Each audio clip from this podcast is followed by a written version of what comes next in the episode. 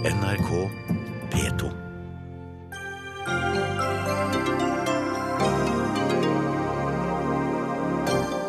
Barack Obamas tredagersbesøk på Cuba markerer slutten på mer enn 50 år med isfront mellom USA og Cuba.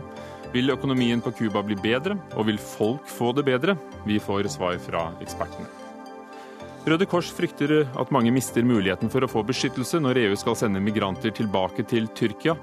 Alternativet er et mottakssystem som bryter sammen, sier regjeringen. Miljøpartiet De Grønne vil gi norske kyllinger bedre plass. Ikke nødvendig, svarer Fremskrittspartiet, som mener fuglene har det godt nok i dag. At Jesus levde for 2000 år siden er de fleste enige om, men gjorde han vann til vin? Sto han opp fra de døde? Forskere mener at folk i hvert fall har opplevd mirakler.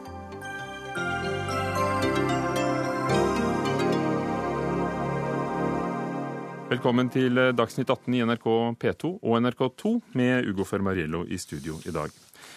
I går kom altså USAs president Barack Obama til Cuba. Forholdet mellom de to landene myknes opp, men på Cuba er brysomme folk satt i fengsel, og i USA protesterer republikanere og eksilcubanere. Det er gått knapt halvannet år siden Obama og Cubas president Raúl Castro kunngjorde at de ville arbeide for å normalisere forholdet mellom sine to land. Nå er Cuba fjernet fra USAs liste over stater som støtter terrorisme. USA har gjenåpnet ambassaden, fanger er blitt utlevert, og det er blitt lettere å overføre penger, investere og å reise. NRK-reporter Haldor Asvald, du er med oss fra Havanna. Vår mann i Havanna, hva skal Obama gjøre frem til onsdag? Noe av det aller viktigste er jo å gå i cubanske gater, bli tatt bilde av av internasjonale pressebyråer sørge for at symboltunge bilder av en amerikansk president på cubansk jord blir sendt utover hele verden for å sementere dette inntrykket av at det er nå stor framgang mellom USA og Cuba på det diplomatiske nivået. Han, det er jo veldig viktig for Obama og Castro å vise at nå skjer det ting på, i forholdet mellom disse to landene, som har vært bitre fiender siden 1959, da Fidel og Raúl Castro tok makten militært på Cuba.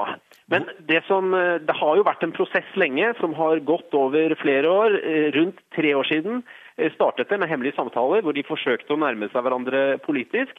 Og Dette er jo den symbolske kroningen på verket, hvor, hvor, man ønsker å vise hele verden at USA og Cuba nå er i ferd med å bli samarbeidspartner igjen. Hvordan er han blitt uh, tatt imot av, av dem som får lov til å stå på gatene? Havanna er nå en strengt kontrollert by. Det er mellom 1000 og 2000 internasjonale journalister her. Det er sikkerhetsagenter fra USA, har vært her i flere uker.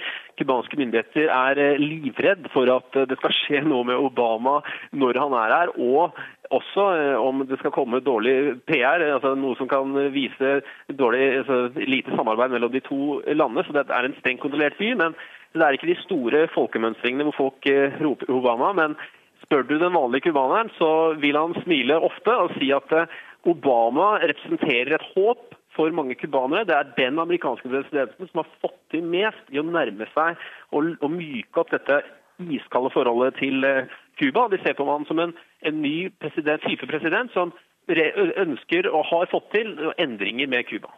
Og Nå ser vi at Google har kastet seg på ballen og åpner et internett på, på en kafé og i et kunstneratelier allerede mens vi snakker. Og senere i dag skal Obama og Castro møtes. Hva skal de snakke om? De vil helt sikkert snakke om hvordan de konkret kan samarbeide tettere. Cubanske myndigheter ønsker jo og krever jo av USA at USA vanner ut disse sanksjonene enda mer enn de allerede har gjort. Cubanske myndigheter mener at USA har gjort for lite, og mange kritikere av amerikanske myndigheter mener USA har gitt for mye. Det amerikanske president Barack Obama har gjort, er jo å sørge for at langt flere amerikanere kan reise til Cuba, at det blir billigere, enklere, mindre byråkrati. At det kan komme opp mot 110 daglige flyvninger fra hele USA til Cuba, noe som mange forventer vil føre til ekstremt mange flere turister og mange mer penger i, i en turismeindustrien på Cuba, som er svært viktig. Det store spørsmålet blir også i hvor stor grad klarer man å utvikle vanlig eh, altså økonomisk utvikling i andre typer private sektorer på Cuba, som har vært eh, mye vanskeligere enn turismeindustrien. Det er det knyttet stor spenning til. og Mange forventer også at eh, myndigheter gjør mer for å løsne opp på det som blir sett på som et veldig rigid og byråkratisk system, og eh, for å få til mer privat næringsliv på Cuba. Takk skal du ha, Haldur Asvald eh, i Havanna på Cuba. USA-korrespondent Tove Bjørgaas i Washington DC. Der er eh, representanter for eh, Det republikanske partiet, blant dem presidentkandidatene Ted Cruz, Marco Rubio, kritiske til eh, Obamas tilnærming til Cuba. Hvordan, hvordan tar republikanerne på det som skjer? Det er jo mye følelser knyttet til dette spørsmålet. Og det er jo et faktum at disse sanksjonene som har vart altså, i mer enn 50 år, har ikke hatt den helt store effekten. Det har jo ikke blitt noen endring i regimet på Cuba. De har ikke virket. Men, men, det er så mye følelser, spesielt i det eksilcubanske miljøet, som f.eks. Marco Rubio kommer fra. Veldig vanskelig å legge bort dette nå for disse politikerne. Eh, det falt også flere tungt for brystet her at eh, president Castro ikke møtte Obama på flyplassen i går. Donald Trump var raskt ute med en tweet om det. Eh, men, og det er også kritikk mot mot mener at besøket kommer for tidlig, og at, og at det ikke er blitt gjort nok fra cubansk side. At, at, Obama har gitt for mange innrømmelser allerede. Men eh, det er viktig også å peke på at det finnes eh, akkurat en meningsmåling nå som viser at 58% av amerikanerne er for at disse sanksjonene nå løftes, og bare 25% sier de er mot. Så siden Obama kom med sin annonsering i desember 2014, har det vært en voldsom endring i opinionen her i USA. Og jeg tror dette er en tapt sak for republikanerne. Men vil de bruke den, tror du, likevel? De prøver jo nå selvfølgelig å bruke den, vi er midt i en valgkamp her.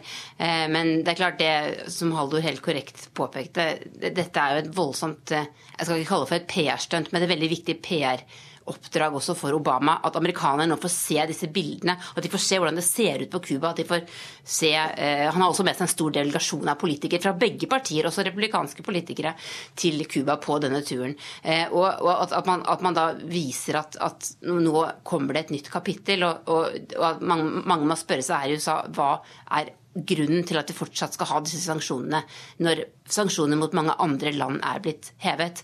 Eh, og det, eksil, det, er klart Mye av dette i mange tiår har handlet om amerikansk innenrikspolitikk, ikke om utenrikspolitikk. Takk skal du ha, Tove Bjørgaas i Washington. Borghild Tønneson Krokan, seniorrådgiver i Forum for utvikling og miljø. Du har eh, publisert, eller Dere har publisert rapporter om Cuba for bl.a. NUPI og, og FNs utviklingsprogram. Ser det ut på Cuba som det gjør på de bildene vi får fra Obamas besøk?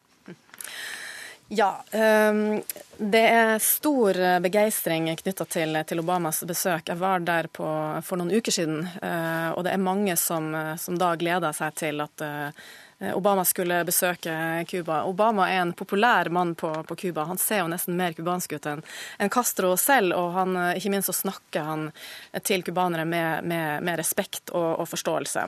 Så det er mange som er glade for, eh, for at Obama nå er på Cuba. Hvem er ikke glade på Cuba? De som ikke er glade, det er skeptikere som enten frykter at at USA fortsatt vil forsøke å dominere Cuba, men med andre midler. Eh, andre igjen frykter at eh, USA, når de slipper eh, opp presset på Cuba, så, så, vil, så vil menneskerettighetssituasjonen på Cuba kunne forverre seg ved at de legitimerer regimet. Andre igjen er desillusjonerte og har nok med det daglige strev. Gjennomsnittslønna på Cuba er 20 dollar i måneden. Mm. Even Sandvik Underlid, du forsker på latinamerikansk kultur ved Universitetet i Bergen og har skrevet boken 'Det nye Cuba'. Hva tror du det nye forholdet mellom USA og Cuba vil ha å si for, eh, for folk flest?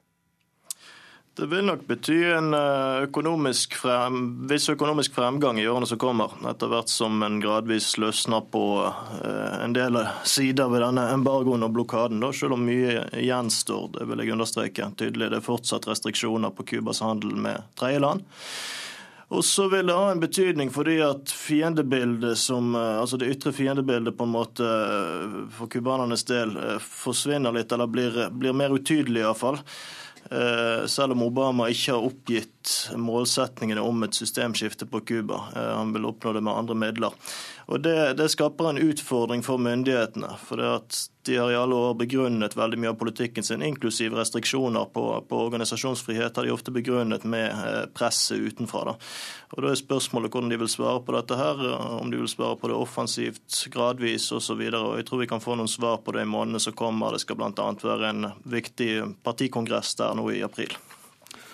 Krokan, vil denne tilnærmingen gjøre landet mer demokratisk? Altså Akkurat nå kom da nyheten om at Google eh, gjør i stand eh, internett som skal gi flere folk raskt internett. Det vil da komme forandringer som kan eh, påskynde en eh, demokratisk prosess?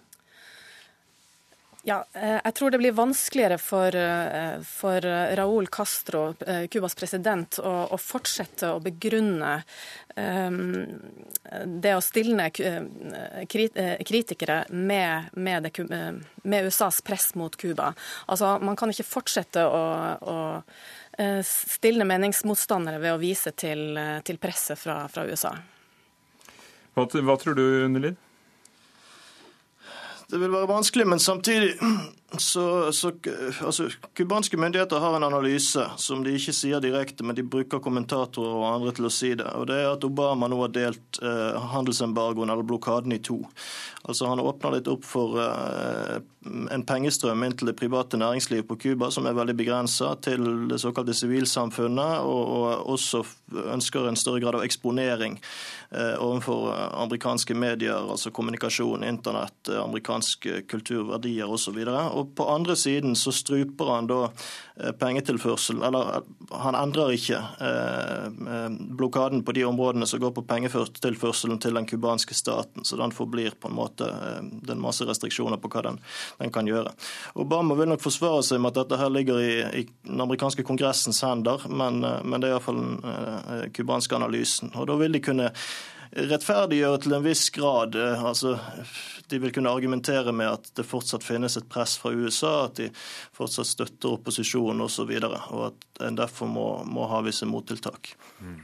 Bare timer før Obama landet i Havana, ble Eh, demonstranter arrestert av cubansk politi. I fjor ble ifølge rapporter 8600 politiske aktivister fengslet.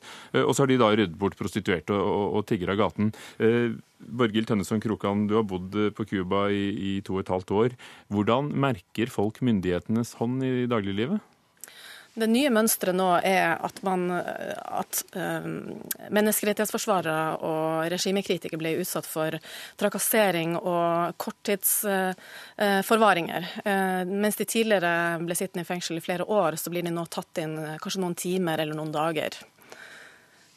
Så, så, presset mot regimekritikere fortsetter, men samtidig så merker cubanere flest at det er lettere å snakke fritt. Eh, og det er flere som også, eh, som også våger seg med å eh, kritisere regimet. Det er meningene, men hva med pengene? For hvis det blir større innslag av privat økonomi, hvor mye vil folk få beholde? Og hvor mye vil, vil staten putte i, i, sine lommer? Etter at Raúl Castro kom til makta, så har mer enn en halv million cubanere begynt å, å jobbe for seg sjøl. Og Eh, I motsetning til Fidel Castro, som vendte blikket utover mot ytre trusler mot USA, så har eh, Raúl Castro begynt å vende blikket innover mot interne problemer på Cuba. Eh, og har sagt at vi er nødt til å reformere Cubas økonomi dersom vi skal overleve. Even Sandvik Underlid, vi var et bilde av Air Force One, den store jumbojeten som lander over en gate med de karakteristiske 50-tallsbilene, gammeldagse strømledninger og noen veldig enkle hus. Vil dette litt pittoreske Cuba, som, som på en måte står stille i tiden, forsvinne nå? Jeg tror ikke Cuba står stille i tiden. Jeg synes at siden Hver gang jeg har vært der, nesten hvert eneste år siden 2002, så har det vært eh, altså Hver eneste gang jeg ankommer, så er det, er det, endringer. Og det er veldig mye som har endret seg siden den kalde krigen. Så en skal ikke se seg blind på disse gamle bilene og sånn. Det henger sammen med at den cubanske staten ikke eh, Altså de har et veldig lavt importtak på biler og, og lenge ikke solgte biler til privatpersoner. Eh, fordi at det er en planøkonomi og man prioriterte andre ting. Eh, men altså, det er veldig mye som endrer seg på Cuba. Det er helt riktig at den trakasserer opp, opp, opposisjonen. Det er helt riktig at, eh, at, eh, at det er begrenset internettilgang og sånn. Men det er også et land med en stor toleranse i dag f.eks. overfor religion, så du ikke hadde tidligere. I mye større grad enn tidligere overfor homoseksuelle. Og, og, og det er et ganske bredt offentlig ordskifte, selv om det er, altså den organiserte opposisjonen blir slått ned på. Du nikker. Er det en endring til det bedre som er i ferd med å skje, slik du ser det? Ja, Slik jeg ser det, så er det en endring til, til det bedre.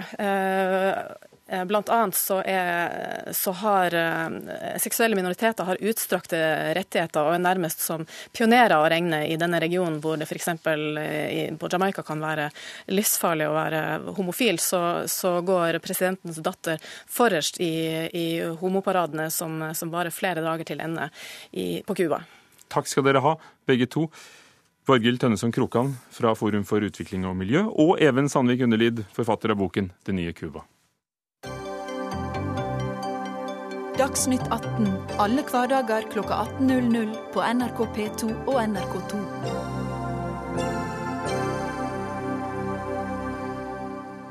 Flyktningene fortsetter å komme til den greske øya Lesvos i dag, selv om de risikerer å sendes tilbake til Tyrkia etter at den nye avtalen mellom EU og Tyrkia trådte i kraft i går. Ifølge denne avtalen skal Hellas hurtigbehandle asylsøknader, og de som ikke har behov for beskyttelse, skal sendes tilbake til Tyrkia. EU-landet skal også bosette syriske flyktninger som kommer rett fra Tyrkia. Kristin Solberg, NRKs korrespondent i Istanbul. Hvordan er avtalen eh, mottatt der du er? Ja, her er det delte meninger om den avtalen. Det finnes dem som hilser den velkommen, fordi fortgang i samtaler om EU-medlemskap og visumfrihet i Schengen for tyrkiske borgere, slik, slik Tyrkia får igjen eh, i denne avtalen, det er viktig for mange her. Eh, og det er også den anerkjennelsen som Tyrkia har fått som et viktig land for EU. Det er også noe som eh, mange setter pris på. Men så er det alle dem som er opptatt av menneskerettigheter her i Tyrkia, og de føler seg på mange måter dolket i ryggen av EU. og føler at eh, unionen skyver sine prinsipper til side. Vi har jo sett at menneskerettighetssituasjonen er blitt stadig forverret i Tyrkia de siste årene, og spesielt da siden valget i juni. Eh, kanskje spesielt på ytringsfrihetsfronten og i de kurdiske områdene i sørøst. Og Der hadde mange ønsket at EU skulle være sterk i sin kritikk, men det, kritikken har vært eh, relativt dempet. Og, og EU har da også lovet fortgang i EU-medlemskap. En slags legitimering av Erdogans regjering og politikk, altså? Ja, det er det mange mener her, og, og hadde ønsket da at EU skulle istedenfor eh, for å komme med da løfter om fortgang i EU-samtaler, EU at man heller hadde brukt det som et pressmiddel på å få eh, menneskerettighetssituasjonen på rett kjør igjen. Og nå sier EU at representanter fra Eh, EU-kommisjonen er på vei til Tyrkia neste uke for å diskutere hvordan avtalen eh, skal, eh, skal leves ut i livet, og, og, Tyrkia sender observatører til Hellas. Hvor mye er klart av hvordan dette vil påvirke f.eks. de tre millionene med syrere som bor i Tyrkia i dag? Ja, Det er jo det store spørsmålet. For det er mange her som ønsker å dra. Eh, det er det ikke tvil om. Eh, avtale eller ikke avtale, så er det folk som setter seg i de båtene og tar en sjanse på at de kan klare å komme gjennom nåløyet i Europa. Og det har noe med at her i Tyrkia så er det ikke noe fungerende asylsystem. Man kan heller ikke få flyktningstatus i Tyrkia, for Tyrkia er det eneste landet i verden som har en slags geografisk begrensning på eh, flyktningkonvensjonen konvensjonen fra 1951. Det er faktisk bare europeere som kan bli flyktninger i, i Tyrkia. Og det hjelper jo lite for uh, Ja. Der forsvant også din uh, forbindelse, Kristin Solberg, korrespondent i Istanbul. Men det hjelper altså lite for de syrerne som er allerede i Tyrkia. Mats Harlem, leder for politikk og folkerett i Røde Kors. Dere er ikke fornøyd med den avtalen som, som ble undertegnet på fredag? Trådte i kraft i går mellom EU og Tyrkia.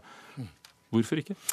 Så kan si at Problemet vårt er ikke nødvendigvis avtaleteksten som sådan. Eh, den kan på mange måter godt være innenfor eh, de internasjonale reglene for dette. Det vi er skeptiske til, er gjennomføringen av den. Det som har vært viktig hele veien for Røde Kors her, er jo liksom to ting. Det ene er jo at de som blir utsatt for forfølgelse, skal få opphold eh, i et annet land, og at folk også da har rett til å, å søke beskyttelse. Slik denne avtalen nå ble til slutt, så har man jo tatt høyde for en del av disse internasjonale forpliktelsene. I hvert fall sier man det på papiret. Men vi er jo veldig skeptiske til punkt én, at Hellas eh, klarer å gjøre denne vurderingen som eh, de skal gjøre etter denne avtalen. Og det andre er jo også på tyrkisk side, altså de som blir returnert returnert tilbake til Tyrkia, om de faktisk da ikke eh, skal utsettes for forfølgelse. For nå skal altså Hellas mm. behandle alle asylsøknadene. Mm. Innen 4.4 skal de ha på plass eh, folk til å gjøre det raskt. Mm. Og så skal de som ikke har krav på beskyttelse, kunne sendes tilbake. Og jeg ser på deg, Vidar Brein eh, Karlsen, statssekretær for Frp i Justisdepartementet. Hva svarer du til organisasjonene som mener at reelle flyktninger ikke lenger vil få vurdert sakene sine? Eh, jeg mener i hvert fall at det, først og fremst at det er gledelig at EU har klart å få til en avtale nå. og Samles om en avtale og sammen med Tyrkia. Vi skal huske på at det, eh, Intensjonene her er for det første at man skal klare å bremse tilstrømminga til Europa, sånn at man får bedre kontroll på det her. Og samtidig prøve å, å punktere det markedet som er for, for, menneskesmuglere, og at de i, i, mindre grad skal tjene penger på folk som, eh, folk som er i nød. Eh, det, jeg, jeg for, for til gjengjeld så skal Tyrkia få penger til å, å ta vare på de syriske flyktningene som er der, og EU skal bosette flere syrere rett fra Tyrkia. Noen korrekt. faller da utenfor her. Det er korrekt, men eh, med de pengene som, som Tyrkia uh, får i denne avtalen, her også, så er det jo meningen at de skal gjøre forholdene bedre også i Tyrkia for de syriske flyktningene uh, som er der. Det som skjer på, på, gresk side, er jo at man gjør en vurdering av de flyktningene som, som, er der, om det er trygt for de å, å reise tilbake til, til Tyrkia. Og EU har vært veldig tydelig på at de skal følge de internasjonale forpliktelsene som de har, på samme måte som det vi har. og og andre, og at man dermed skal, skal gjøre det i nøye vurdering, og at man ikke sender folk tilbake til forfølgelse. Mads Harlem, dette vil jo kanskje få en bukt med den livsfarlige menneskesmuglingen over havet til Hellas, selv om tallene fra i dag tyder på at folk likevel setter setter seg i disse farkostene? Ja, Det håper jo selvfølgelig vi også. Eh, problemet her med denne avtalen er jo at den også kan begrense personer sin mulighet til å søke beskyttelse i et annet land. Det er jo det vi er skeptiske til. Når Men hva er alternativet med de realitetene vi har? Mm Leire i Hellas, leire i Tyrkia mm. og, og, folk som blir stoppet på grensen rundt omkring. Men jeg tror bare Vi skal være liksom presis når vi snakker om denne avtalen, for den inneholder jo flere ting. Eh, altså, og den er, alt er slett ikke klart. Det er også en side av den. Men altså det ene her er jo at de som nå eh, kommer eh, til Hellas, til Europa, kan altså sendes tilbake igjen. Man skal gjøre en vurdering av deres beskyttelsesbehov, men de kan altså returneres tilbake igjen. Det vi da stiller spørsmålstegnet ved, er jo EU eh, sine ressurser, altså Hellas sine da ressurser, til faktisk å gjøre denne ene vurderingen. Så det ene spørsmålet vi stiller. Det andre er jo de som da blir returnert tilbake igjen. Hva skjer med dem? Vi hørte på innslaget her at Tyrkia har jo ikke altså, noen stor rekord i å holde menneskerettigheter rettigheter. Så det er også det vi stiller spørsmålstegnet med. Hva skjer med dem eh, når de kommer tilbake igjen? Så er det det andre, og det er jo dette med gjenbosetting. Som i og for seg er jo en tanke som er god. Og som gir flere beskyttelse? Ja, men problemet her er jo at man setter på mange måter et krav om at eh, skal vi gjenbosette, så må vi få lov til å sende noen tilbake igjen. Det er også noe som på mange måter ikke er helt i tråd med hvordan dette skulle fungere. For det er jo ikke sånn at du kan på mange måter sette vilkår for å gi personer eh, beskyttelse. Har du behov for beskyttelse, så skal du få det. Og du kan ikke stille da noen vilkår tilbake igjen, sånn som denne avtalen nå legger opp til.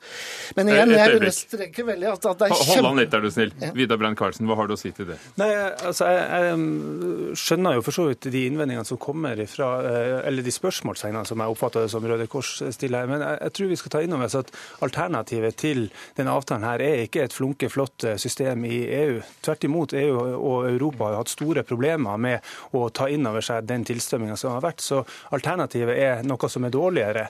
Eh, og jeg er enig i at vi, det bør være et minimum at man får eh, beskyttelsesbehov vurdert, og at man får den beskyttelsen eh, dersom man, man trenger den. Sånn som jeg har klart å lese den avtalen mellom EU og Tyrkia så langt, så, så har i hvert fall EU vært veldig tydelig på det, at de som skal inngå i de her vurderingene, faktisk får, får beskyttelse hvis de trenger det. Men de som skal sendes tilbake til, EU, jo, nei, til Tyrkia, er jo også personer som har kommet uten beskyttelsesbehov. Og, og, og at man klarer å få sendt et, signal til, sende et signal til de om at, de, at det ikke er verdt å, å ta den farefulle ferden. Stikk, kom til Europa. Det er også et viktig signal. Så til det spørsmålet jeg hadde i sted. Hva er alternativet? Nei, og du kan si at Det er derfor jeg ikke går ut nødvendigvis og kritiserer avtaleteksten her. Men altså, alternativet er jo at man faktisk oppfyller de internasjonale forpliktelsene man har. Både i forhold til å gi beskyttelse til de som blir utsatt for forfølgelse, og det andre er å gi personer mulighet til uh, å søke denne beskyttelsen. Det står det i avtalen i dag at man skal ta høyde for. Spørsmålet er jo implementeringen og etterlevelsen av den. Og Det er der vi har sett at EU til nå har altså ikke vært i stand til å gjennomføre de avtalene man har sagt og gjort tidligere uh, innenfor uh, dette. Så det er der vi også stiller veldig spørsmålstegnet. Så jeg har lyst til å understreke også at situasjonen nå i Hellas er så krevende, så vanskelig, at det er helt avgjørende nå at dette er ikke en avtale med for bare Hellas. Her må hele EU eh, stille seg bak, også Norge. Er det viktig at nå stiller opp? Og nå sier Frontex at de vil ha bl.a. 1500 politimenn for å hjelpe til med tilbakesendelsen, samtidig som de sier at det skal ikke skje ved makt. Tror du at denne avtalen vil kunne iverksettes? Ja, det, det, tror jeg. Det, jeg tror det er grunn til å, å være optimistisk. Hvordan skal du sende folk tilbake hvis de ikke skal bruke makt? Nei, de færreste vil vel reise? Jeg tror i hvert fall det er grunn til å, å, være optimistisk når, som Hallem også er inne på, så har det vært en treghet i det europeiske systemet. Nå har de endelig klart å enes om denne avtalen, og, og, som, som, har noen konkrete oppfølgingspunkter. Og det, jeg, jeg, tror vi skal avvente og se, men jeg tror det er grunn til å være optimistisk. Og, og at det er viktig at Frontex er, er, er på her, det er, det er et annet poeng. for å hindre at nye ruter nå eh, åpner seg etter at, at man stenger den, den For det er vel faren at ja, menneskesmuglere finner andre og, veier? Og da er man jo i, eh, da, da har man jo ikke kommet så langt. Da. Altså Hvis man stenger ei rute, så åpnes det nye som gjør at tilstrømminga fortsetter. For det tror jeg er en nøkkel for at EU skal, skal kan holde seg samla rundt det her. Og så en kort replikk til Mads Harlem. Det er punkt 1, det er viktig også å, å, å understreke at dette handler ikke om å stoppe mennesker som er på flukt. Det som var intensjonen med denne avtalen, var jo å stoppe menneskesmuglere. Det er fremdeles behov eh, der ute. Personer som har behov for beskyttelse, de må fremdeles få mulighet til å søke denne beskyttelsen. Takk skal dere ha. Mats Harlem fra Norges Røde Kors og Vidar Brein Karlsen, statssekretær fra Frp i Justisdepartementet.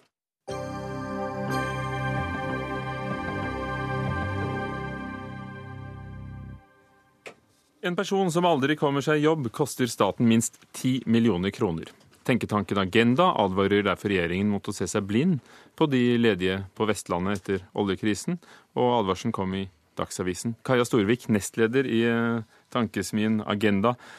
Hva slags skjulte ledige er det dere mener regjeringen ikke gjør nok for? Altså, i, I, Norge på slutten av 2014 så var det 687 000 mennesker som, som, sto, altså som, som ikke var i jobb. Og noen av de er syke, og noen av de er korttidssjukmeldte. Men mange av de eh, er eh, arbeidsledige. Veldig mange av de er uføre eh, og har ingen tilknytning til arbeidslivet i det hele tatt. Og når du etter det får den ledighetsveksten som vi har hatt nå det siste året på toppen, så er det veldig veldig mange folk som ikke jobber, som kan jobbe, og som vil jobbe. Det er klart at det er kjempealvorlig. Og den store, store gruppa som vi snakker om som vi har skrevet et notat om, det, det er en gruppe som har vært stor lenge. Tror du de blir glemt, er det det? Altså, de, det blir i hvert fall ikke gjort spesielt mye for å få de i arbeid. Eh, og... Men er det ikke da viktig, siden langtidsledighet eh, er eh, noe som ikke gagner noen, eh, å hindre at de som pga. situasjonen på Vestlandet blir, blir, kastet ut i arbeidsledighet? Jeg, jeg må bare forklare én ja. ting. Altså, det er ikke noe mål for oss, og det er heller ikke altså det, å, å, sette disse gruppene opp mot hverandre. Så de nye ledige som kommer til nå, vi må gjøre mye for de, og så må vi gjøre mye for disse andre. Det som er, er at den, den, første gruppa som vi snakker om, den skjulte ledigheten, den er mye, mye større enn den registrerte arbeidsledigheten som vi har. Så det er ikke sånn at den ene gruppa er viktig, og den andre gruppa ikke er viktig. Det er bare sånn at den ene gruppa får mer oppmerksomhet nå enn den andre. Og det er jo bra. Eh, jeg vil også si at det gjøres altfor lite for den gruppa som, som mister, mister, jobben på Vestlandet nå. Og, og, og det som men, men, har, men, bare la meg ja. si, for vi har sett litt på, på, på, den gruppa som altså de som står utenfor arbeidslivet. Det er noen veldig bekymringsfulle trekk der. Fordi at men kan, kan, du holde an på det, Lise, så kommer vi tilbake til det. Stefan Heggelund, stortingsrepresentant i arbeids- og sosialkomiteen for Høyre. Regjeringen din gjør ikke nok. Eh, så kommer vi til hvorfor og for hvem. Men eh, hva syns du når du hører dette? Da, altså, hvis, bare, hvis, vi kan gå tilbake til utgangspunktet, her, som var det oppslaget i Dagsavisen på fredag, så syns jeg det var ganske oppsiktsvekkende at sentrum Venstre og Arbeiderpartiets tenketank mente at regjeringen så seg blind på ledigheten på Vestlandet.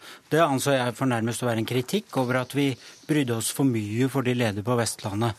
Eh, det er ikke jeg enig i. at vi... Og nå hører du altså, at det ikke er en kritikk jo, av det? Var, jo, men man satt jo i utgangspunktet disse gruppene opp mot hverandre. og Jeg skal komme til poenget mitt eh, så raskt jeg kan, programleder. Eh, vi mener at det er en alvorlig situasjon på Sør- og Vestlandet som i arbeidsmarkedet, og vi handler deretter. Men det andre som var oppsiktsvekkende med det oppslaget i Dagsavisen, det var jo at de sa at de løftet nå en debatt om skjult ledighet, og at regjeringen ikke tar tak i det. Vi gikk til valg, vi, på å gjøre noe med den skjulte ledigheten i Norge. Høyresiden, og Høyre spesielt, vil jeg jo da si, har løftet debatten om den skjulte ledigheten i årevis. Har vi fått noe gehør fra venstresiden for å gjøre det? Absolutt ingenting. Da har det kommet tilbake at vi har mistenkeliggjort folk på trygd, at vi vil rasere velferdsstaten osv. Når det vi har prøvd å få frem, er at det er noen problemer i systemet som gjør at folk havner lenger utenfor arbeidslivet enn det som var nødvendig i deres situasjon, fordi systemet ikke klarte å fange dem opp. Men grunnen til at jeg mener det er viktig at vi ikke setter disse to gruppene opp om hverandre, som jeg hører nå altså at Agenda sier man ikke skal gjøre, men det så ikke sånn ut i Dagsavisen på fredag, men det er jo at når situasjonen er krevende i enkelte deler av arbeidsmarkedet, så blir det også enda verre for dem som står langt utenfor. Men uten å sette så... noen opp mot noen andre, så er det jo ofte snakk om prioriteringer uansett? Ja, som må vi, gjøres. Og vi klarer i denne forbindelse å ha to tanker i hodet på en gang. Vi har både prioritert ledigheten som har skjedd pga. prisnedgangen i oljen, med en ekstraordinær tiltakspakke på 4 milliarder kroner og en samferdselssatsing som er helt enorm, og som vi hørte i forrige uke, ville kunne gi en sysselsetting på fire, rundt om lag 4000 personer, noe over det mente Statens vegvesen. Men vi har også gått inn i Nav-systemet for å se hva vi kan gjøre annerledes. Forenkle tiltakssystemet, øke satsingen på lønnstilskudd. Så dette er noe vi jobber med, og vi har to tanker i hodet samtidig. Nå, Kaja Storvik, du har bedt om ordet lenge. Ja, nei, altså, jeg, jeg synes jo, altså, Det er flott at Høyre snakker om, og, og regjeringen snakker om disse gruppene. Og Stefan, det er ingen som, ingen som, lurer på dine talegaver. De er kjempegode. Eh, men realiteten er at dere har nå sittet i, i, regjering i to og et halvt år. Eh, vi har rekordhøy ledighet. Vi har, høy, vi har ikke hatt så høy registrert arbeidsledighet på 20 år. Og de gruppene som vi snakker om, de går ikke ned. Og det vi jo har sett på, er hvilke grupper som Hvem er det som nei, du mener er, er altså, skjult i statistikken? Statistikken? Ja, altså De som skiller seg særlig ut, det er eldre, slitne folk. Men den gruppa, den går litt ned. Og det er en gruppe som du må forvente å ha. Men så har du også innvandrere, folk som ikke er født i Norge. Den gruppa er stor. Og så har du dessuten en gruppe unge mennesker som aldri har vært i arbeidslivet. Og den gruppa blir større og større. Og dette her er folk som, hvis vi ikke får dem inn i arbeidslivet, så kommer de aldri til å jobbe. Over 70 000 unge nordmenn som aldri skal delta i arbeidslivet. Det er jo helt forferdelige tall. Jeg syns du da... sa i sted at disse gruppene har vært eh, store lenge, skjult i statistikken lenge. Ja. Denne kritikken, hvorfor kommer ikke den også mot uh, den rødgrønne, Nei, de rød-grønne si partiene som satt ved regjering i altså, åtte år, og i gode tider, og hadde anledning til å gjøre noe med det? Vi har jo eksistert i litt under to år, så vi har hatt litt kortere tid på oss eh, enn det da dagens regjering har hatt. sånn at vi, vi, kommer på en måte med vårt arbeid som vi legger det fram nå. Så du vil ikke gjerne kritisere dem? Men, men, men altså, det er ikke mitt hovedpoeng i det hele tatt. Mitt hovedpoeng er at dette her er grupper som vi er nødt til å ta tak i nå. Og det hjelper ikke å si at man skal gjøre det, eller, eller å snakke om det. Eh, det må handles, og, kan, og, regjeringen gjør noen bra ting. Det er fint med, altså, det er kjempefint med den altså, det som er at, Uavhengig av partifarge? For jeg regner altså, med at hvis dere hadde eksistert det, i mange år, så hadde dere kritisert de rød-grønne ja, også? Ja, det hadde vi garantert gjort. Eh, men, men altså, uavhengig av partifarge så er det sånn at det må gjøres mye, mye mer. Og vi veit ganske mye om, om hva, det er, hva, det er, som hjelper. Altså, det ene er at vi må passe på at det lønner seg å jobbe. Eh, Og i dag er det sånn for nesten alle, men f.eks. kontantstøtte. Ta, ta, to stikkord, for vi har, ja. vi har ikke så god tid. Det må lønne seg å jobbe. Kontantstøtte for eksempel, er en av de tingene som vi vet at er veldig veldig dårlig for det. Så må vi sørge for riktig kompetanse. Vi har stort frafall i videregående skole, det har ikke gått noe ned. Og så er det sånn at vi, vi bør eh, skape mye større muligheter til å kombinere arbeid og trygd f.eks. enn det vi har i dag. Er det spørsmål om å gjøre mer, eller er det spørsmål om ideologi, at dere ønsker andre ting? Interessant at du spør om ideologi i forbindelse med velferdsdebatten. Eh, jeg mener at eh, der kan vi trekke egentlig ideologien ut. fordi Eh, uansett hvilken ideologi du har i norsk politikk, så mener du at man skal ha en sterk velferdsstat som skal ta vare på og hjelpe dem som trenger det. Spørsmålet vi snakker om da, er jo virkemidler. Hvilke virkemidler som er best. Nå har støvet nettopp begynt å legge seg etter den rød-grønne regjeringens mislykkede implementering av Nav-reformen. Der var det store problemer. Overgangen til arbeid, utdanning og uføretrygd for de som skulle ha det, gikk tregere. Siste effektevaluering viser at nå, vi nå endelig begynner å være tilbake på omtrent samme nivå som vi var som før Nav-reformen begynte. Dette er jo en av grunnene til at dette er jo en av grunnene til at regjeringen nå jobber med en Nav-melding, eh, basert på det ekspertutvalget som Sigrun Vågeng ledet. Det blir veldig interessant, og da skal vi også se på hvordan vi kan fortsette å hjelpe de gruppene som er lengst utenfor arbeidslivet. Som sagt så har vi begynt med noe. Vi har senket terskelen for arbeidslivet. Vi har forenklet og forbedret tiltakssystemet i Nav. Så vi, vi, gjør mye, men det er klart at vi skal gjøre mer. Men jeg syns det er gledelig at det er noen på venstresiden som også nå er villige til å ta tak i disse spørsmålene. Kort replikk, Kaja Storvik. Dere vil vel aldri bli fornøyd, for det er jo deres oppgave. Altså det som... som er at I framtida så skal vi leve av arbeid. Eh, og Hvis ikke vi får en andel av de folka her i arbeid, så er det veldig mye vi ikke får råd til. Denne regjeringa her har prioritert skattekutt til de rikeste framfor å få flere folk i arbeid. Så Kanskje det stimulerer så... til mer arbeid? Eh, nei, det gjør det faktisk ikke. Kutt i formuesskatten stimulerer dessverre ikke til mer arbeid. En ansvarlig skattepolitikk som fremmer vekst er veldig viktig. og Her er jeg jo helt uenig med Agenda. Jeg tror ikke at norsk næringsliv eller norske arbeidstakere trenger en skatteregning på flere milliarder kroner. Takk. Stefan Heggelund fra Høyre og Kaja Storvik fra Tankesmien Agenda.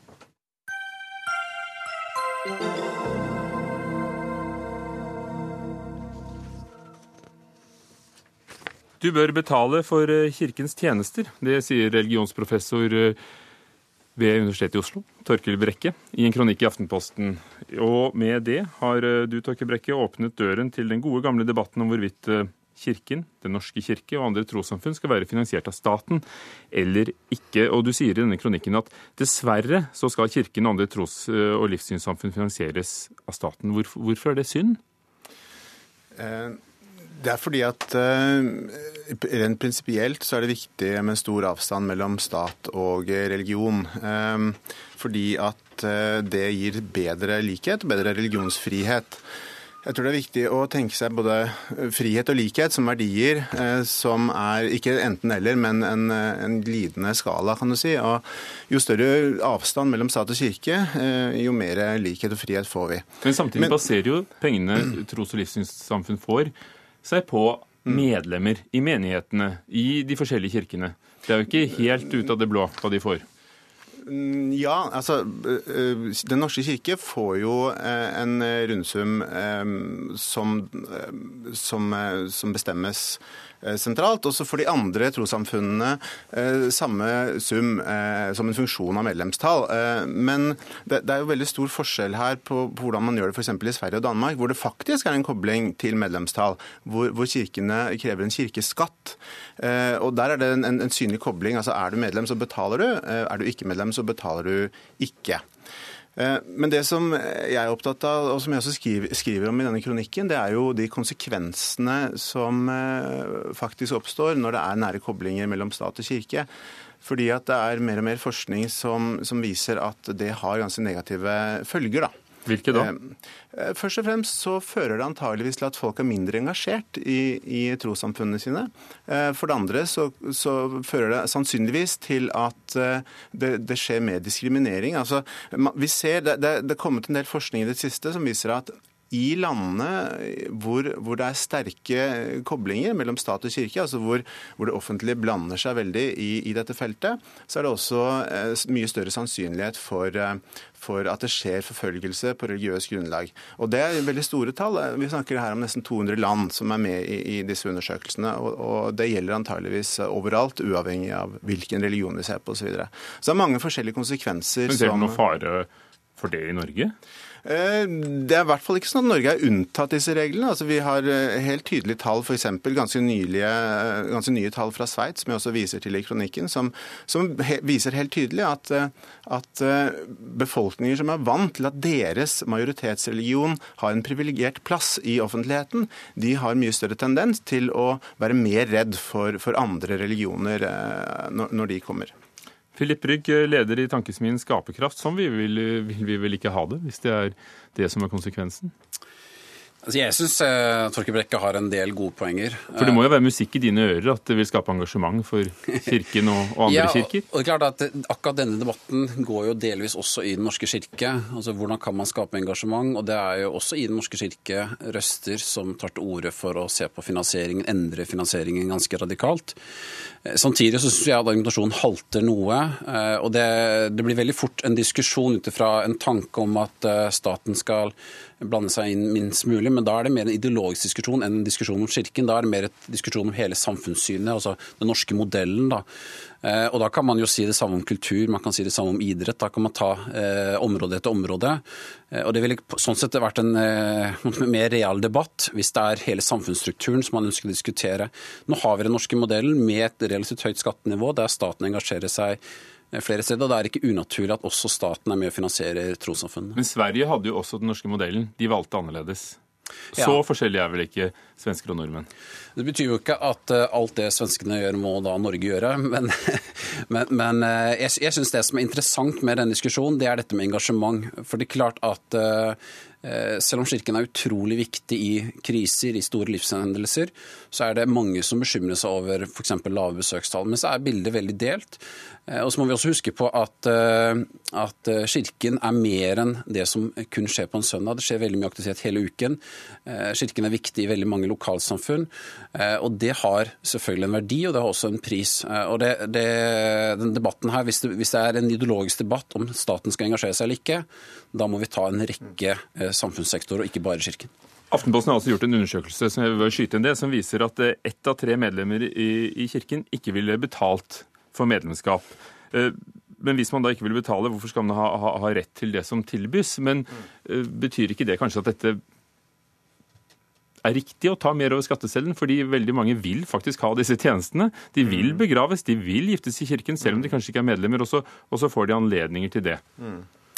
Ja, eh, det er jo delvis en ideologisk debatt, som Rygg sier, men det er også en praktisk debatt. For det arbeides jo nå, regjeringen arbeider med en forvaltningsreform eh, for Kirken. og Målet er jo tydeligere skille mellom kirke og stat. Så, så, vi er jo enige egentlig alle sammen om at vi ønsker et større skille mellom kirke og stat. Eh, problemet som jeg ser det, det er jo at man i 2012, når man endret Grunnloven, nedfelte i paragraf 16 at at Den norske kirke skal fortsette å være folkekirke og understøttes av staten. Så man er litt låst allerede der da, i hva man kan gjøre, tenker jeg, i, denne, i dette reformarbeidet.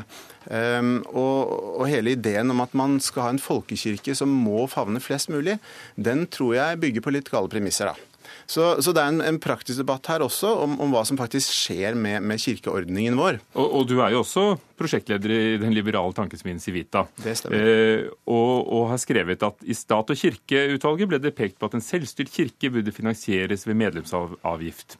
I Bakkevik-utvalgets utredning fra 2002, altså da snakket snakker vi mange år senere, gikk flertallet inn for at Den norske kirkes finansiering skulle baseres på en obligatorisk avgift for medlemmer. Dette skrev du i 2014. Det var ikke mm. denne kronikken, det er fra 2014. Kjemper du en tapt kamp? Eh, det kan eh, kanskje se sånn ut, fordi vi har hatt utredninger. Vi kan gå tilbake til 1975, til en NOU, Sivertsen-utvalget, som sa at man skal basere seg på medlemsavgift. Så dette, dette, er en gammel debatt, ja. Så det kan være. Men, men den, den, eh, kan man ikke få den prinsipielt beste løsningen med medlemsavgift, så kan man i hvert fall gjøre som svenskene og si at vi har en kirkeskatt som, som har ført til noe avskalling i Sverige, men likevel som stabiliserer da medlemsnivået på ganske høyt nivå. Da. Til og med italienerne har det, og der står den katolske kirken sterkt. Og du ville jo sluppet alt snakk om mulig medlemsjuks for livssyns- og trossamfunn, f.eks. Filip Rygg. Ja, og Jeg tror ikke vi skal blande inn den debatten, for det er jo alle er vel ganske enige om hvordan det bør være.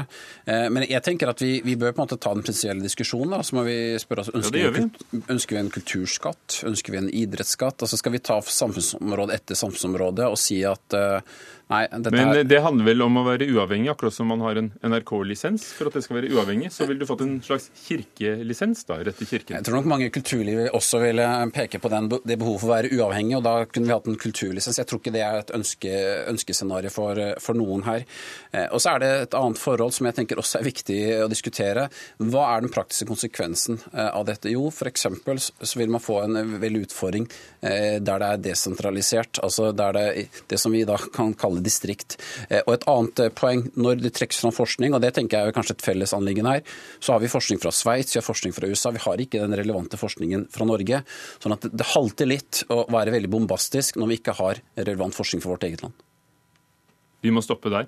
Takk skal dere ha. Philip Rygg i eh, Tankesmien Skaperkraft og Torkel Brekke, religionsprofessor, og også engasjert i Civita. Hør Dagsnytt 18 når du vil. Radio NRK Radio.nrk.no.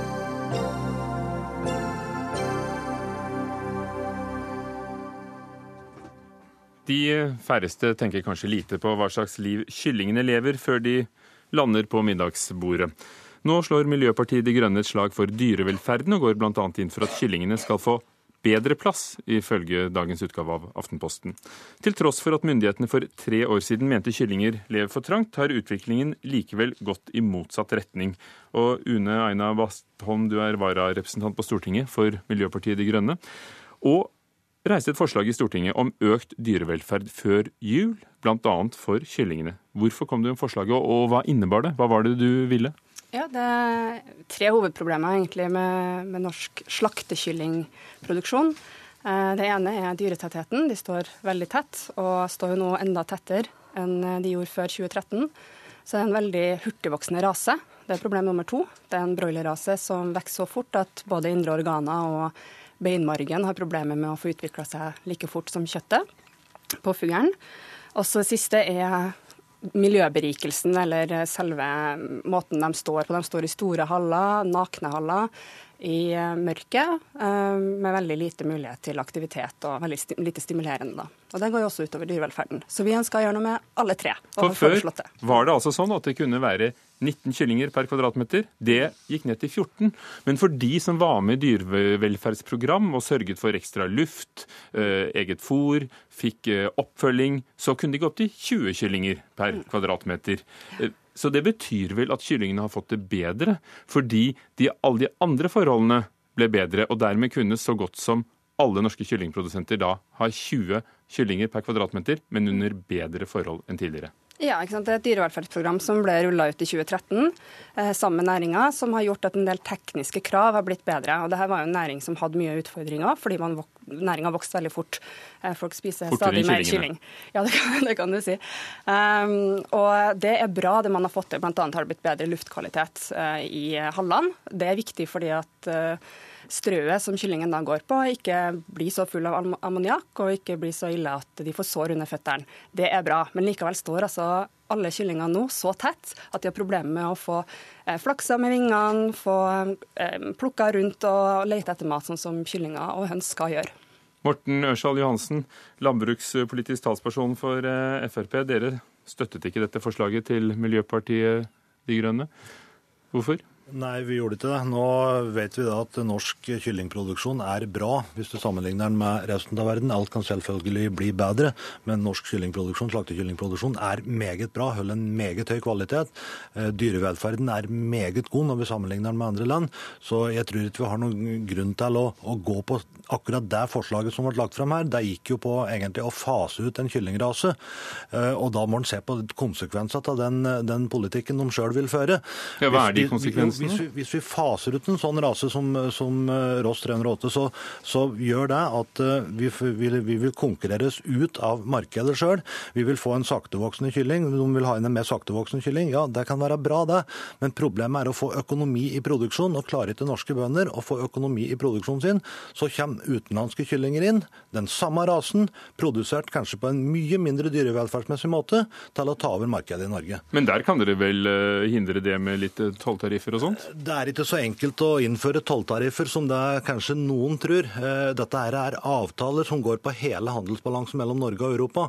Og hvis vi tror at vi bare kan øke tollsatsen på ett enkelt produkt uten at det får konsekvenser for noe annet, da tar vi litt feil. Men når det gjelder det med plass. En butikkjede sier til Aftenposten i dag at de har hatt suksess med å kreve av sine leverandører at de skal gi kyllingene litt mer plass. Tre færre kyllinger per kvadratmeter. Og det er da tydeligvis deres kunder beredt til å, å, betale for? Ja, så det, det er som jeg sier, altså, Noen er sikkert villige til å betale for det. Nå er det sånn at uh, Saktevoksende kyllingraser uh, tar opp omtrent 2% av markedet, og det produseres da 74 millioner kyllinger i Norge. Og Det er nesten ikke så det, de får omsatt alle kyllingene sine, uh, de som har dessverre, på grunn, kanskje pga. pris, men også kanskje pga. tilgjengelighet. Men hvis du klarer å få til altså hvis, hvis, folk, hvis folk er interessert i å kjøpe det, og kjøpe det produktet, i stedet istedenfor et, et billigere og fullt ut godt produkt, et meget godt produkt, så må de gjerne gjøre det. Kan dere stole på forbrukermakten? Men, men, men, så lenge vi har en kyllingproduksjon i Norge som produserer en meget god kvalitet og er meget bra dyrevelferdsmessig, så, så tror jeg det blir vanskelig å konkurrere med. Una Aina Bastholm, kan dere stole på forbrukermakten? Jeg stoler veldig på forbrukermakten, og da trenger forbrukerne informasjon. Um, noe av Problemet er jo at regjeringa og regjeringspartiet Frp og Ørsal Johansen forutsetter at forbrukerne først og fremst er ute etter billigst mulig kylling, uten at man har ordentlig gitt informasjon om hvordan kyllingen holdes. Og Norske forbrukere har veldig høy tillit til staten, det er bra. Men spør, dem, spør man dem hva de er opptatt av, så er det dyrehelse, det er at maten skal være sunn, og gjerne norskprodusert og godt miljø. Er du enig i at kyllingen i Norge har det bedre enn i mange andre land? Det er jo veldig vanskelig å si, og fagmiljøene er jo uenige. For at Ser du på dyretetthet f.eks., så anbefaler jo Vitenskapskomiteen for mattrygghet, som er statens eh, hva skal man si, rådgivende organ for, eh, for mattrygghet og dyrevelferd, de sier at vi bør ned i 14 kylling eh, per, per, meter. Vil si da eh, ja, noen kilo mindre enn det måles jo i kilo dessverre. Men, men også den informasjonen som blir gitt, er meget god. Kyllingprodusenter sjøl er opptatt av å gi ut en så god informasjon om mulig som, om, om, sine produkter. Og den kvaliteten som norsk kylling har, den er meget, meget god. Vi er det landet i verden som bruker minst uh, tilsetningsstoffer, altså som narasin og antibiotika. Ja, Oppmerksomheten rundt nettopp narasin det gjorde jo at folk sluttet å kjøpe kylling 8 en stund. Et lite øyeblikk, la meg bare skyte inn. Folk sluttet en stund å kjøpe kylling fordi de fikk vite om det. Du er ikke redd for at nå som folk får vite om at de ikke får flakse med vingene og de indre organene lider, jo, så vil de slutte igjen? Jo, men hvis det er det forbrukere vil, så ja. Så da, da, da, blir det sånn. Og da er norske produsenter nødt til å innrette seg etter det. Men så lenge det da finnes alternativer, og folk vil kjøpe de alternativene, så kan det hende de gjør det. Nå er det sånn at eh, den, den, den, den kvaliteten som er, er bra. Narasin er forresten på tur til å bli faset ut. Vi må bare være helt sikre på at ikke antibiotikabruken øker. Sånn som en kan gjøre, og som det er i andre europeiske land, og som da vil bli resultatet hvis vi nå faser ut dette, her, at vi får import av kylling fra andre land med mer antibiotika til, og som er, har, har, det dårligere dyrevelferdsmessig. Er det folk eller fugl du er bekymret for? Jeg er bekymra for fuglen, og jeg syns at regjeringa også burde ha vært det. fordi vi har ikke det dyreholdet i Norge i kyllingproduksjonen som folk forventer. Og hadde de eh, hatt informasjon, og det får de mer og mer av nå, så hadde også veldig mange flere også vært villige til å betale mer, tror vi. Og så har vi en undersøkelse som viser at det bare er seks kroner mer per kylling i butikken som skal til for at de både får bedre dyretetthet, og vi får en rase i norsk kyllingproduksjon som faktisk tåler å vokse seg voksen uten at de får beinproblemer og lufteproblemer. Dyrevelferd er utrolig viktig, men det er helsa til folk, og det produktet de skal ete skal være av god kvalitet. Og norsk, og kylling, er, og norsk, og norsk, og norsk kylling er av god kvalitet. Takk. Morten Ørsal Johansen fra Fremskrittspartiet og Una Aina Bastholm fra Miljøpartiet De Grønne.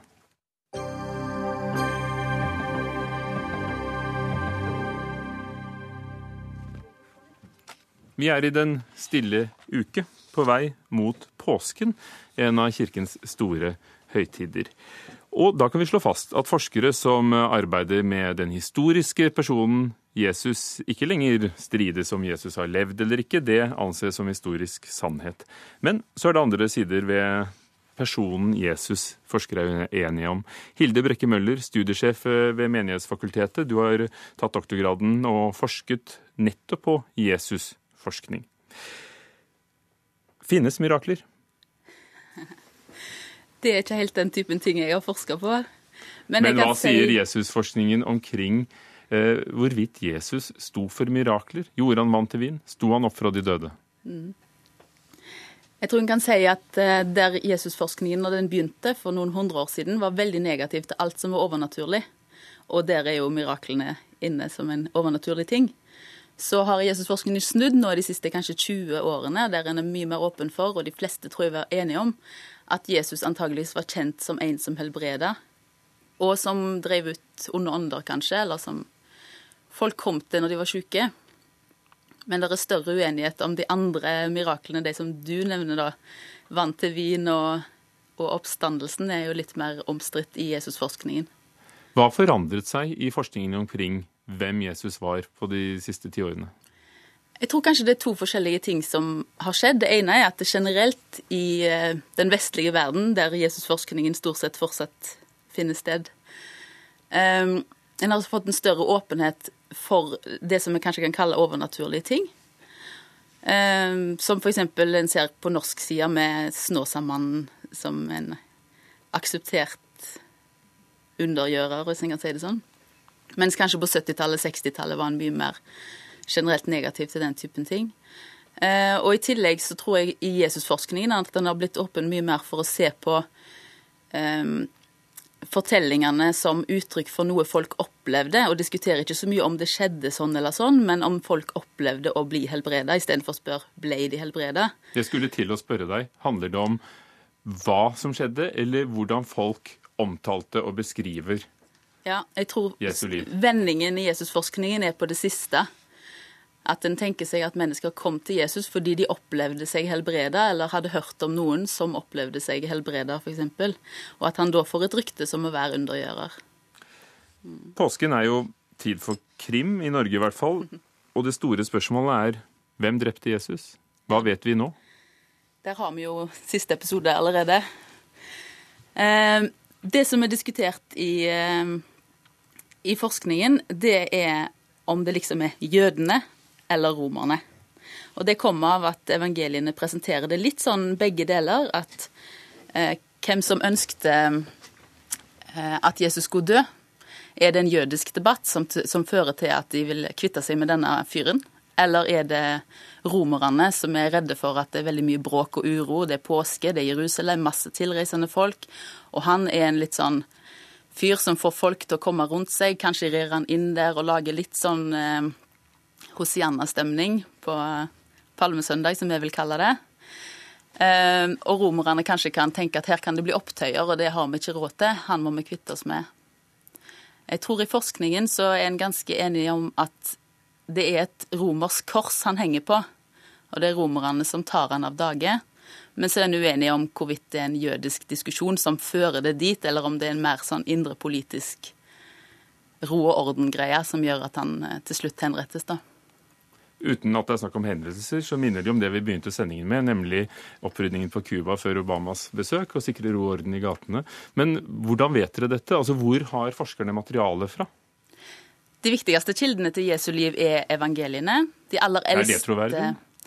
Eh, I likhet med andre kilder fra den tida, så har de eh, noen ting som de ønsker å oppnå med å skrive historie. Sånn vil det jo være i dag òg. Når du skriver en historie, så ønsker du å oppnå noen ting som ikke bare forteller, du vil fortelle for en grunn. Og det vil evangeliene òg. Så de er troverdige på den måten at de har et budskap, og det er en historie der som kan ha blitt forma eh, på bakgrunn av det budskapet de ønsker å fortelle om Jesus. Men bortsett fra det, eh, de er like troverdige som andre historiefortellinger fra denne tida, tror jeg de fleste vil mene. Hvor Jesus også er nevnt? Eh, hvor Jesus kan eh, i, noen historier ellers er Jesus nevnt, men det er mye kortere, kortere en setning her eller der. Så det evangeliene er mye bedre kilder til Jesu liv. Og så har du Paulus brev, som er det eldste. Hva med oppstandelsen, i og med at det snart er påske? Hva med den? Ja, jeg spør deg. Hva, hva skjedde egentlig? Skjedde det? Ja. Er det en fortelling? Eh, det er i aller høyeste grad en fortelling, men jeg tror det er ganske sikkert ganske bred enighet om at de som eh, ble Jesus-troende etter påsken eh, det året, var ganske sikre på at de hadde enten kjente noen som hadde sett at Jesus var stått opp, eller sjøl hadde opplevd at de hadde møtt han etter at han var død. Og der har disiplene jo gjerne kanskje ofra livet sitt for å få fortelle om dette som de tror på. Så det at de har dikta det opp, tror jeg i hvert fall ikke er spesielt sannsynlig. At de sjøl var overbevist, det tror jeg de fleste er enige om i Jesusforskningen i dag. Dette er jo en av de sterke historiene som vi fortsatt snakker om i dag, 2000 år etter. Som en historie, er det god materie for historikere og, og forskere? Eh, jeg vet ikke helt hva du spør om. Jeg tenker at eh, vi har en del tekst på dette, en del kilder som forteller om den måten folk har snakket om det på. Eh, og det er det Jesusforskere må se på, eh, hva de kildene sier. Mm. Takk skal du ha, Hilde Brekke Møller ved Menighetsfakultetet, som også har forsket på dette. Det var eh, Dagsnytt 18 for i dag. Ida Tune Øresland var produsent. Elisabeth Sellereite, teknisk ansvarlig. Ugo Fermarello, programleder. Hør flere podkaster på nrk.no podkast.